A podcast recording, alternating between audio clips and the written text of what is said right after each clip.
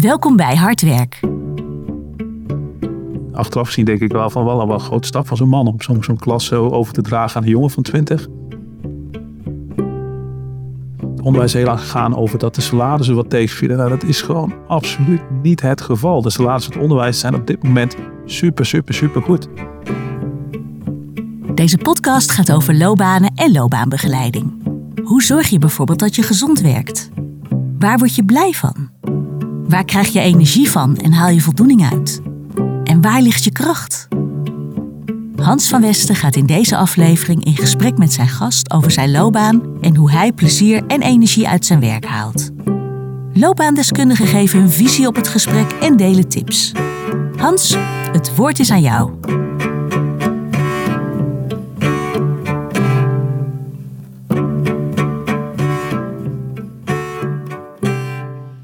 Oké, Arjen Bakhuis, welkom. Ja, dankjewel. We gaan eh, praten over jouw loopbaan. Ja. Eh, want jij bent een onderwijsman. Ja. Ja, in ieder geval van origine. Nou ja, ik weet niet, misschien blijf je dat ook wel. eh, ja. Ja, dat zou ook kunnen. Ja. Ja.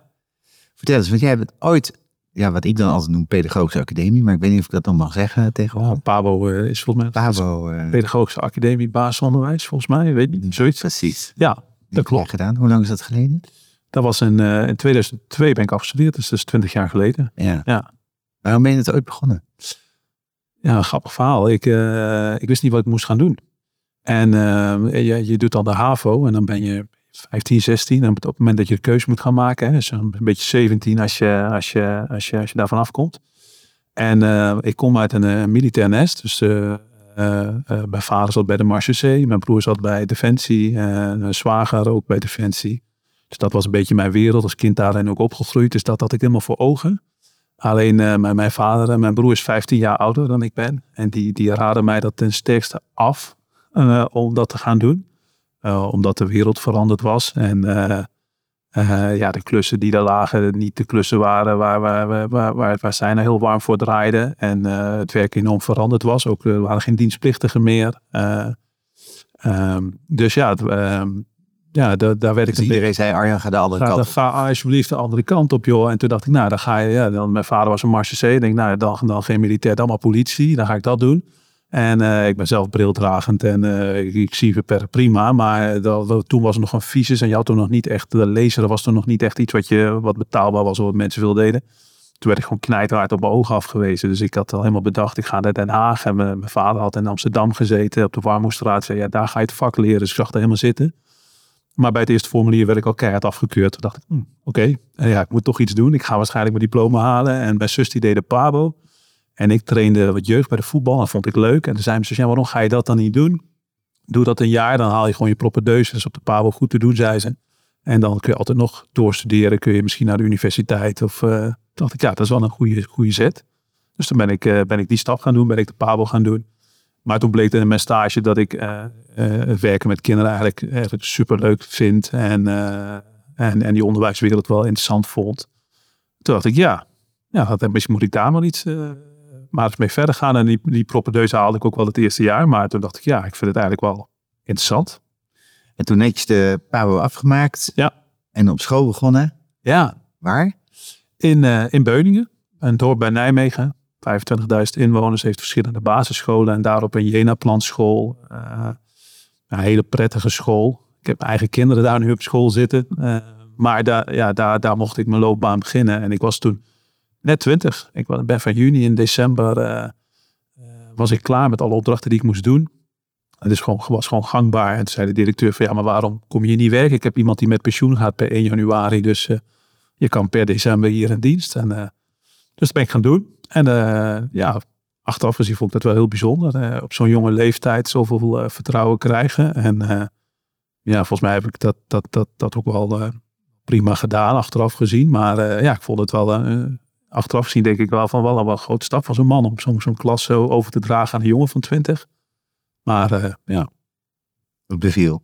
beviel heel goed. Ik vond het heel leuk. Een leuke job. Ehm, leuke clubouders. Kun jij nou eens uitleggen wat daar nou zo leuk is om? 20, 25, 30 van die Ja. kleintjes om je heen te hebben zwerven de hele dag. Ik heb, eh, ik, heb, ik, heb, ik heb later ook, eh, omdat ik andere functies ben gaan bekleden, ook wel, wel eens een dag of twee dagen eh, een, klas gehad. Eh, dat vond ik helemaal niks, vind ik ook helemaal niks. Maar eh, ja, ik ben heel, ja, ik vind het gewoon heel leuk om zo'n zo'n groep aan het begin van het jaar te krijgen en daar een, een, een team, een club van te bouwen. Ehm, pedagogisch naar je hand te zetten.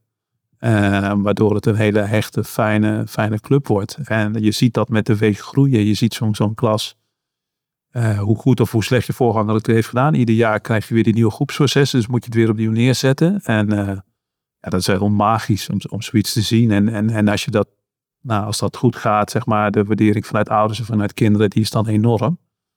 Het is gewoon heel dankbaar, heel veel werk. En, eh, en ondertussen leer je ze ook nog wat. Hè? Dus eh, En dan ga ik even twee eh, vooroordelen Ja. eh, onder de gemiddelde Ja. luisteraar eh, toetsen bij je. Ja. Eén is inderdaad waardering van de ouders, die zei net. Ja. Je hoort ook veel echt, oh die ouders die zijn verschrikkelijk als je het onder werkt. ja. Dat is een beetje hoe er over gepraat wordt. Ik hoor dat jou niet zeggen. Nee, eh, dat hoor je mij niet zeggen, nee.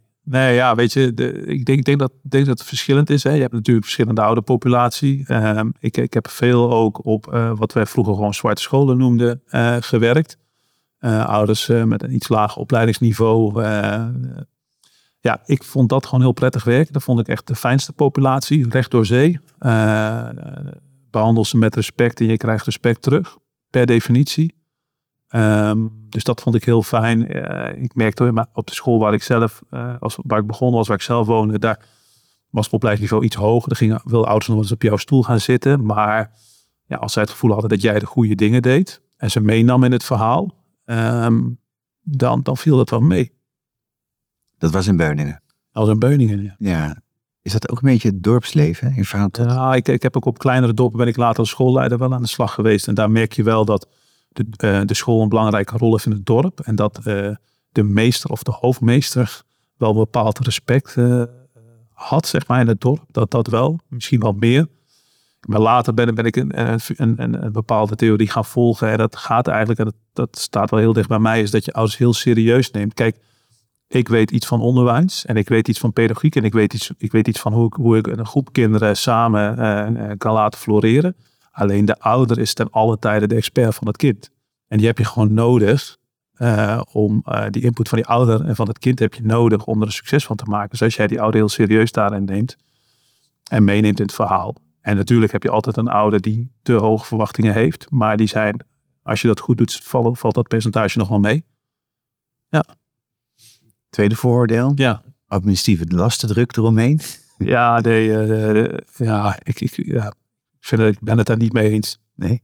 Nee, ja, dat ligt natuurlijk aan op wat voor school je werkt en wat de verwachting is vanuit, vanuit een directie. Nou, nou, nou weet ik dat op de meeste scholen eh, heb je een medezeggenschapsraad. Leerkrachten zijn allemaal HBO-professionals, dus het is geen, het is geen militaire hiërarchie waarin je orders hebt op te volgen. Je kan, je kan aangeven wanneer je het niet eens bent en je kan met argumenten komen. Dus ik vind het altijd aan leerkrachten om, eh, om bespreekbaar te maken als je dingen aan het doen bent waarvan je het nut niet inziet. Ik heb mij later natuurlijk zelf als leidinggevende ben ik daar ook altijd mee bezig geweest. Ik merkte juist dat er altijd een groep was die het moeilijk vond om oude gewoontes los te laten. Een heel simpel voorbeeld wat iedereen snapt is bijvoorbeeld het nakijken van schriftjes. Elk onderzoek wat daarover gedaan is, heeft gebleken dat een kind wat een dag later iets in zijn schriftje terugleest, dat dat, dat, dat niks doet met het kind. Het kind eh, gaat daar niks van leren. En wat helpt is directe feedback. Dus de leerkracht loopt rond en die, die legt een hand op een schouder of die geeft iets terug aan een kind. Dat helpt. Dat andere helpt niet. En toch had ik- ik op mijn laatste school ook na honderd discussies nog steeds eh, leerkrachten die met tassen naar huis gingen. Omdat ze dat nog na moesten kijken. Ja, weet je, eh, als je dat soort dingen gaat doen. Of nou, ik merk ook wel eens op school als ik dan agenda's zie van teamvergaderingen of wat dan ook. Dat ik denk van ja jongens, hou je dat zelf niet in stand.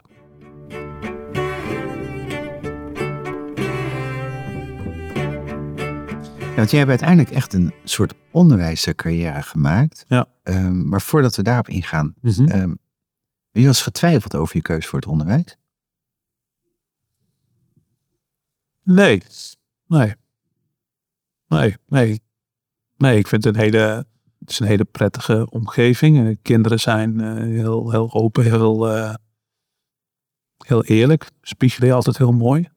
Uh, maar ook onderwijsprofessionals zijn, zijn mooie mensen, allemaal sociale mensen. Hè? Dus je, je, zit altijd in een, je werkt altijd in een sociale omgeving. Waarin mensen be, betrokken zijn met elkaar. Nee, ik, ik heb daar geen spijt van. Nee. Nee. Kun je iets vertellen over de stappen die je zo in de afgelopen twintig jaar hebt gezet nadat je in Beuningen voor de klas stond? Ja, ik, uh, ik, ik, heb het daar, toen ik vier jaar voor de klas stond getwijfeld of, of ik echt altijd in het onderwijs wilde werken. Dat was even mijn, mijn enige twijfelmomentje. Had vooral te maken dat ik, uh, dat ik, dat ik of Kleinswapen een clubje vrienden ben opgegroeid. Die gingen allerlei studies doen. Dus die wisten heel goed met 2, 3, 24 te vertellen wat ze wel en niet leuk vonden. Ik had één ervaring, dat was, ik had wat voor de klas gestaan. Dus toen ben ik een jaartje ben ik consultancywerk gaan doen. En eigenlijk na een maand had ik daar, dat ik daar spijt van. Ik miste gelijk het onderwijs. Ik miste die kinderen. Ik miste ja, een club collega's om me in een bepaalde sfeer. En uh, dus toen ben ik heel snel weer terug uh, voor de klas gaan staan. En dat kon toen gelukkig in de Betuwe, in Tiel. Uh, op een hele fijne school. Heel fijn bestuur. Ehm, dus uiteindelijk zou je kunnen zeggen dat ik een jaar of tien uh, leerkracht ben geweest. En, um, en de laatste jaren af en toe wat taken van de directeur mocht overnemen. En, op een gegeven moment het managementteam mocht aansluiten als afdelingsleider. En toen mijn directeur af en toe eens er niet was, mocht ik taak van hem overnemen. Dat vond ik heel leuk. En zodoende ook de opleiding gaan volgen voor, voor schoolleider. En uh, dus na tien jaar voor de klas staan uh, ben ik uh, tien jaar leidinggevende geweest in het onderwijs. Eerst als, wat, wat, krijg je erbij als je de opleiding schoolleider gaat doen? Waar gaat het dan over? Wat je aan, aan, aan vakken, aan deskundigheid. Deskundigheid. Het gaat heel erg over verandertrajecten, teamprocessen. Daar, daar wordt denk ik het meest op ingezet. Zoals veel opleidingen gaat het ook over jezelf leren kennen. Ik denk ja. dat als, als leidinggevende niet verkeerd is. Dat je weet wie jij bent wat je valkuilen zijn en wat je allergieën zijn. Ik denk dat dat zo'n opleiding vond ik altijd wel leuk. Dan kun je natuurlijk om een cursus gesprekstechnieken ga je jezelf ook al spiegelen bij wijze van spreken. Maar nou, de, ik heb toen 2,5 jaar de opleiding uh, uh, mijn, mijn master Special Educational Needs gedaan. En dan uh, mijn afstudeerrichting was alleen maar leidinggevend. Tegenwoordig zie je steeds meer partijen die echt een opleiding voor schoolleider aanbieden. Was toen ook wel. Maar wij hebben toen één company vanuit de Hogeschool van Utrecht werd dit aangeboden. En achteraf was dat wel een hele mooie opleiding. Wel uh, duurde 2,5 jaar. En daarmee had je dus als schoolleider kun je vakbekwaam en startbekwaam. Volgens mij andersom, hè, startbekwaam vakbekwaam zijn. Dit was gewoon 2,5 jaar. En had je beide genoeg punten om, om beide af te kunnen vinken. Uh, maar daar ging het al voor een deel om. het ging veel minder op de praktische kant. Dus ik merkte daarna wel. Hè, dus ik was afgestudeerd. De eerste keer dat ik een begroting moest maken, dacht ik: oké, okay, en nu?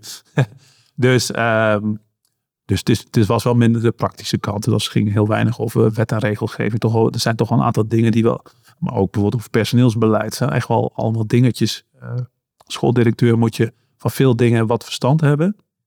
Ja, daar ben ik daarna wel gaan ontwikkelen. Dat zat niet in de opleiding. Nee. nee. Um, tien jaar voor de klas, dan tien ja. jaar in de leidinggevende rol. Ja. Wat doe je op het moment? Op het moment, uh, ik ben nu bijna een jaar in dienst uh, bij Reinders uh, bedrijf in Oosterwijk. Wij zijn leverancier van schoolmaterialen. Um, en daar ben ik onderwijsadviseur. Dus daarmee, we hebben een aantal scholen die bij ons in Nederland die bij ons de boodschappen doen. En ik ga in gesprek met, met, met teams, met, met directeuren, maar ook met conciërges over de materialen die ze kunnen aanschaffen. Of ontwikkelingen die ze willen doen. Of nou ja, aan onze kant van het bedrijf denk ik mee in, in bepaalde processen of als de aanbestedingen lopen of wat dan ook. Uh, daar ben ik nu werkzaam als uh, adviseur. Klopt het dan als gemeentegevoel van is eigenlijk een stapje steeds verder af van de klas? Ja, van de kinderen. Van de kinderen? Ja, ja. ik heb zelf drie kinderen, dus misschien dat ik ja, ja, dat thuis, thuis misschien uh, de lol op kan. Maar nou ja, daarnaast, ik, ik train die jongens, mijn twee oudste trainen bij de voetbal en en daar haal ik heel veel plezier uit. En ik merk wel dat ik daar heel veel energie van krijg. Um, maar ja, je zei net van, uh, een onderwijsman. Ja, dat ben ik wel. En ik denk dat ik aan deze kant ook echt uh, impuls kan geven aan goed onderwijs. En je merkt dat, ja, dat je dat op, op andere vlakken ook kan doen. En uh, ik vind het wel heel leuk om met kinderen te werken. Maar ik vind het vooral heel erg leuk om met dat onderwijs bezig te zijn. Om de, ontwikkeling van onderwijs te volgen. Maar ook daarna een bijdrage aan te leveren. En ja, je cirkel van invloed kan, kan groot, groter zijn als je, als je andere functies bekleedt. En dan kun je net zo goed uh, van invloed zijn.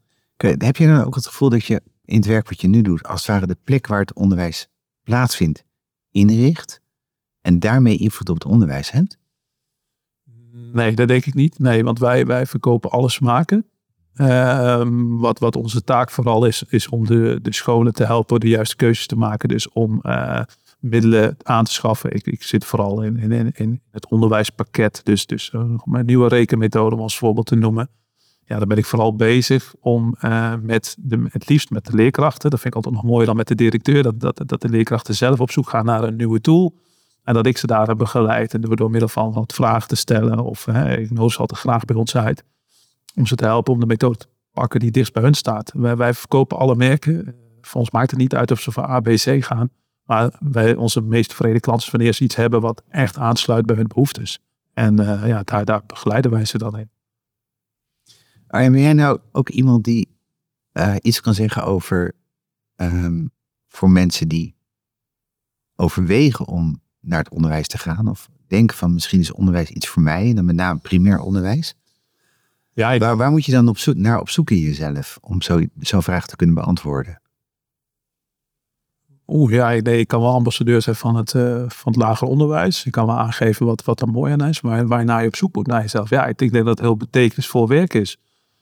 Tijdje geleden werd ik door een, uh, een oude vriend kennen, zeg maar iemand die ik kende vanuit, vanuit mijn jeugd, benaderd. Die een hele goede baan had als, uh, ja, wat heet hij? Als, als financiële man bij Deloitte. En die vroeg van, ja, die, die zocht meer betekenisvol werk. En die wilde heel graag, en die is zich toen gaan oriënteren op het uh, basisonderwijs, middelbaar onderwijs en het hoger beroepsonderwijs. Uiteindelijk is volgens mij het middelbaar onderwijs is nu teamleider geworden.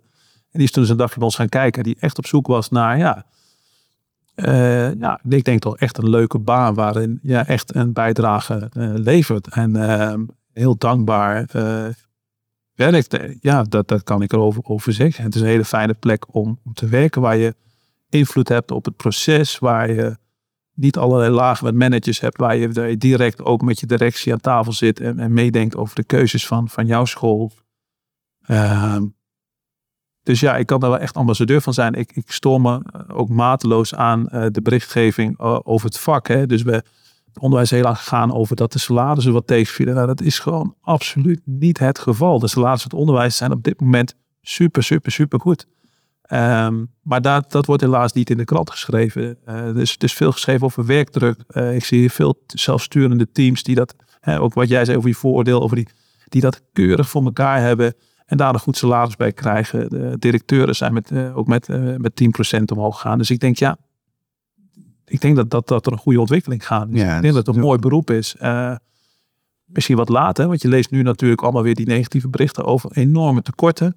Eh, klassen die naar huis worden gestuurd. Dus ja, ik hoop dat, dat, dat mensen, uh, ja, je ziet nu veel science die toch gaan proeven, veel blijven er toch plakken. Ja, dat het toch, toch een mooi vak is. Wij, uh, wij zijn een loopbaanbureau. Ja. En de afgelopen jaren hebben we ook af en toe iemand gehad die zei, ik wil het onderwijs in. Ja.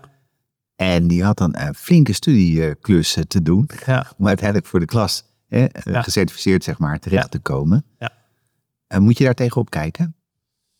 Ik weet niet. Ik weet niet wat de precieze eisen zijn. Um, ik, ik, weet dat iemand uh, op LinkedIn, die heeft er zo'n beroep van gemaakt. Die is, die is op een gegeven moment ook heeft om laten scholen. En uh, dat was dan een enorme flop. En die verdient nu zijn geld met te spreken over hoe enorm die flop was. Nou, daar heb ik dan wat last van. Want ik denk, ja, als je, ik ken genoeg scholen. Als je daar was gaan werken, dan, dan was je, als je ervoor open stond, heel positief geweest. Dus ik denk, ja, uh, het is natuurlijk heel erg afhankelijk van de plek waar je komt. Um, maar ja, of ik weet niet of, of, je, je ontzettende uh, studieballast uh, daarmee krijgt. Kijk, ik heb er ook wel wat moeite mee om uh, te denken van ja, je kan er maar zomaar instappen. Want je hebt gewoon wel um, een stukje didactische achtergrond nodig. Hè. Je ziet, ik zie nu ook vacatures voorbij komen voor zijinstromers. Daar staat nog net niet in, ben je zelf kind geweest, solliciteer maar. Want ik denk dat er wel een aantal, dat je aantal, of een aantal eigenschappen moet beschikken om, om, om ook over een stukje kennis moet beschikken om, om dit tot een succes te maken. En ik denk dat in het onderwijs goede tools zijn. En dat er een fijne omgeving is met, met collega's die je willen helpen. Dus ik denk dat dat allemaal wel, wel, wel gunstig is. Maar je zult toch een stukje basiskennis over het kind, over het brein, over hoe leert een kind, hoe, hoe werkt een groepsproces. Want je hebt ook een hele groep waar je, waar je iets mee moet. Nou, dan zul je toch wat, een stukje kennis. En nou, uiteindelijk moet je dat gaan toepassen. Maar klein beetje kennis zul je daarvan nodig hebben. Maar ja, wat ik, wat ik ervan hoor, valt dat wel mee ten opzichte van wat we onze, onze fulltime studenten net van de haven aan. Die hebben toch wel een iets ander leerpakket dan uh, de zijstroom. Dus ik, ja, ik weet niet. Uh. Um, wat je net suggereerde, van, van gewoon eens meekijken, Ja. oriënteren op een school, praten met mensen die er Ja. werken, dat is een goede methode. Zeker, ja. Ik denk dat, eh, en dat is natuurlijk ook wel mooi, hè? het is een sociale wereld. Dus ik denk als jij eh, in deze wereld eh, de school op de hoek opbelt van, joh luister, ik ben voornemens om dit. Nou, dan, kan je pech hebben dat die directeur zegt, ja sorry, ik heb geen tijd voor, maar ik weet zeker de tweede school die je belt, die zegt, goh wat leuk, wanneer kom je? Dus ik denk, ik, ja, en ik denk dat je, ja, dat je het gewoon moet voelen inderdaad. Ja, zie ik mezelf hier, tenminste zo werkt dat voor mij ook. Hè. Dus met een huisbezichtiger zie ik mezelf hier wonen of ja, zie ik mezelf hier werken. Ja, ik zou dat doen. Hoe zie jij je eigen toekomst? Nou, ik werk nu met heel veel plezier eh, Reinders. Ik vind het ontzettende uitdaging daar, eh, ja, om daar de komende jaren stappen te maken, om eh, mezelf daarin uit te dagen. Dus ehm, ik heb nu gezien dat ik na tien jaar voor de klas, tien jaar schoolleider, eh, ook weer eh, ging kriebelen. Dus ja, het zou maar zo kunnen zijn dat ik over tien jaar weer denk van nou, nou, nou, nou, nou, nou ja, wat dat dan is, weet ik niet. Maar eh, ja, ik geloof niet dat ik hier tot mijn pensioen eh, dit blijf doen. want Dat past niet bij mij. Maar eh, de komende tijd vind ik dit. eh, heb ik nog heel veel te leren. Hè? En heb ik, eh, ja, werk ik op, op een hele fijne plek bij een heel fijn bedrijf. Dus ja, voor de komende tien jaar denk ik dat ik goed zit. Maar ja, hoe het ik vanaf mijn vijftigste wordt, dat weet ik nog niet. Nee. Kan je zeggen dat je wat dat betreft ook niet echt een planner bent, maar meer een ervaringsdeskundige over hoe het Ja, laat je lopen? ja, dat denk ik wel. Ja, ja wat, ik, wat ik vooral heel fijn vind, is dat je met hetgeen wat je gezien hebt, dat je daarmee eh, verder gaat. Dus eh, als ik nu op een school kom, ik was vorige week op een school, daar liep, liep een, directeur, die liep vast op, een bepaald onderdeel. En toen opperde ik een idee en daar werd ze helemaal enthousiast van. Maar dat was niet iets wat ik verzonnen had, maar dat was iets wat ik op een eerdere plek een keer gezien had. En eh, nu, zie ik, nu, doe ik ook weer ervaring op, zie ik ook weer dingen. Dus ja, ik vind het gewoon leuk om de, de ervaring die ik heb, om die door te geven of, of daarmee door te gaan. Dus ja, meer vanuit ervaring inderdaad eh, stappen maken. Ik vind, ja, ik vind dat, dat vind ik heel mooi. Arjen Bakkers, dankjewel Graag voor gedaan. dit gesprek. Graag gedaan. En ik hoop eh, dat jullie luisteraars allemaal ideeën hebben opgedaan. Niet alleen om hoe het is aan de andere kant van, eh, van je kind op school. Hè? Ja. De docent of docenten die, eh, die voor de groep staat. Maar misschien ook om op ideeën te komen over je eigen loopbaankeuzes. Of om die op die manier eens wat te onderzoeken. Dank voor het luisteren. Dit was een podcast in de serie Hard Werk. Tot de volgende keer.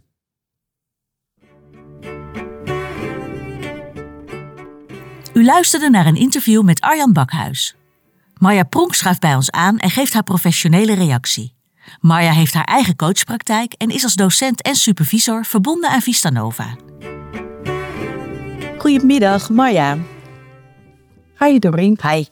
Eh, je hebt voor ons weer naar een eh, podcast geluisterd, dit keer van Arjan, eh, waarin hij zijn loopbaanverhaal met ons deelt. Ehm, wat kun jij aan de hand hiervan ons vertellen eh, wat je opviel en eh, tips die jij voor de luisteraars hebt? Ja, nou zeker. Ehm, allereerst vond ik het heel leuk om te horen. Hè. Soms lijkt een keuze heel arbitrair. Dat hoor je in het verhaal van Arjan ook even. Dat hij zegt van ja, defensie, dat werd mij eigenlijk afgeraden. Nou, dan ging ik maar naar de politie, maar daar werd ik afgekeurd. En doordat zijn zus op de pabo zat, meen ik even, ehm, eh, werd hij daarop gewezen en is hij dat maar gaan doen. Nou, dat lijkt alsof ja, het balletje gewoon rolt, hè, een kant op rolt en geduwd wordt.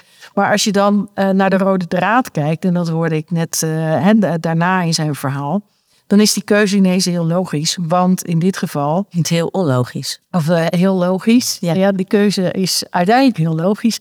Ehm, omdat hij bijvoorbeeld hè, tijdens zijn jeugd nog ruim voordat hij kinderen had, al heel veel deed met kinderen en veel jeugdtrainingen gaf. En dat vond hij hartstikke leuk.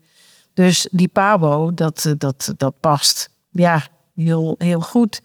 En eh, nee, dat, dat advies geef ik ook heel vaak aan, eh, aan, coachie, dat ze, aan een coachie. Dat ze goed kijken naar wat deed je nou eigenlijk in je jeugd? Wat vond je leuk om te doen? Wat vond je toen leuk om te doen? En eigenlijk alles wat je eh, puur, voor je plezier hebt gedaan, waar je veel lol aan beleefd, hebt beleefd, dat, dat vertelt al heel veel over jouw drijfveren en wat je nou, misschien ook wel leuk kan vinden in je werk. Ja, en ehm, nou ja, ik heb zelf een, eh, een dochter, de jongste, die studeert de rechten nu, maar vanaf heel jong in haar leven was zij al bezig met eerlijk. Dat is niet eerlijk. Nou, dat hoor je natuurlijk meerdere kinderen zeggen, maar bij haar ging dat heel diep.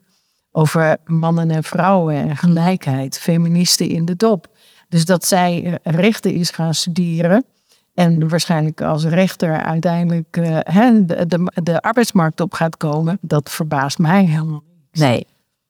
Speelt ze dat zelf dan ook terug? Dat ze wel denkt van dat was eigenlijk al iets wat al heel erg in me zat vroeger al. Nou, nee. Of niet bewust? Dat niet, maar wel dat ze zegt, mam, als dit het niet was geweest, dan had ik echt geen idee gehad. Dus ze is wel heel blij dat ze de studie ook heel erg leuk vindt. Ja. Mooi is dat, ja. Ja. Dus dat even naar aanleiding van zijn, uh, nou ja, toen ben ik maar de pabo gaan doen, zo één. Um, dan zitten er nog wat elementen in die, die uh, interessant zijn. Hè? Er zijn heel veel mensen die in het uh, onderwijs werken. En die dan toch op een bepaald moment denken van... Goh, red ik dat, dit wel? Wil ik dit nog wel? Um, dus, dus nou ja, die komen ook bij ons in de, in de praktijken natuurlijk van loopbaancoaches. Want als dit het niet is, wat dan wel? En uh, Arjan heeft zo'n proces ook doorgemaakt. Die is uiteindelijk locatiemanager geworden. Daar praat hij dus uh, geworden. Daar uh, praat hij ook even over met Hans. En um, hij geeft daarbij aan van goh, dan moet je, ja, dan moet je van heel veel dingen moet je verstand hebben. En uh, leiderschap, heb je dat wel voldoende? Je moet veel weten van personeelsbeleid, je moet wat weten van financiën. En wat ik, wat ik dan zo frappant vind, of wat ik opvallend vind eigenlijk in dat verhaal, is uh, hij uh, vertelt het uit, uit die rol die hij heeft gehad. En het is zo boeiend om te horen als je zelf voor die keuze staat. Mhm. En uh, gek genoeg onderzoeken veel mensen dat niet. Als ze denken van, goh, zou die baan misschien iets voor mij zijn? Ja. Um, dan is het zo waardevol om met mensen te gaan praten die die baan hebben. En de Ja. een of andere manier zit daar bij veel mensen een soort schroom of een rem of een belemmering op. Terwijl als ze hun netwerk inzetten en eh, het netwerk van hun netwerk, dan zitten daar altijd mensen bij met de baan waarvan jij denkt, misschien past dat wel bij mij. Zou het dan zijn dat mensen er niet aan denken dat ze dat kunnen doen? Of dat ze inderdaad misschien wel verwachten dat mensen het niet fijn vinden dat ze dat soort vragen aan ze stellen? Dat vooral, die laatste. Dat is wat ik veel hoor van Oké. coaches. Dat ze, ja, maar ik kan toch niet zomaar het, diegene bellen. Nou, dat kan dus wel. Sterker nog, diegene vindt dat vaak echt heel erg leuk om Ja. gebeld te worden en over zijn vak te kunnen Ja. vertellen.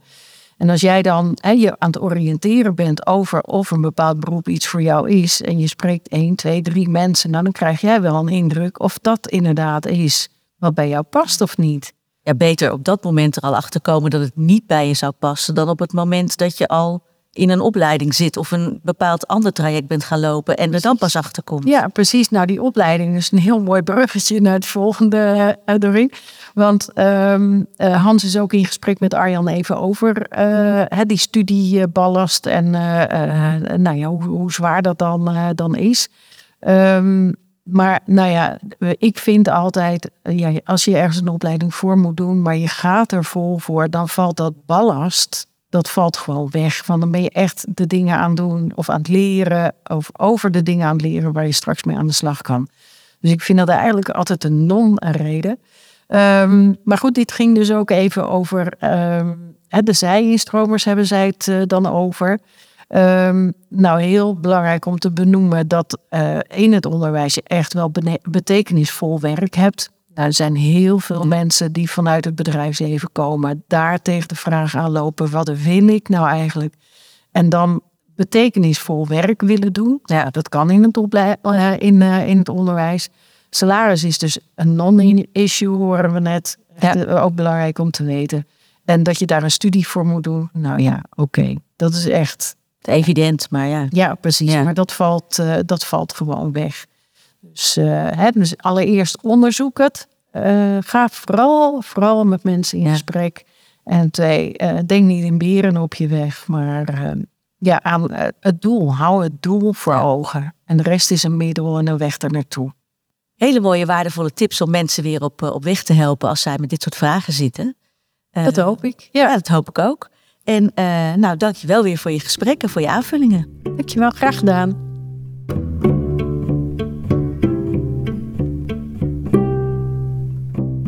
Dank je voor het luisteren naar Hard Werk. Een serie van Gratis Groep in samenwerking met Vista Nova. Heb je naar aanleiding van deze aflevering vragen? Neem gerust contact met ons op. Wil je graag meer horen? Abonneer je dan op deze serie. Tot de volgende aflevering.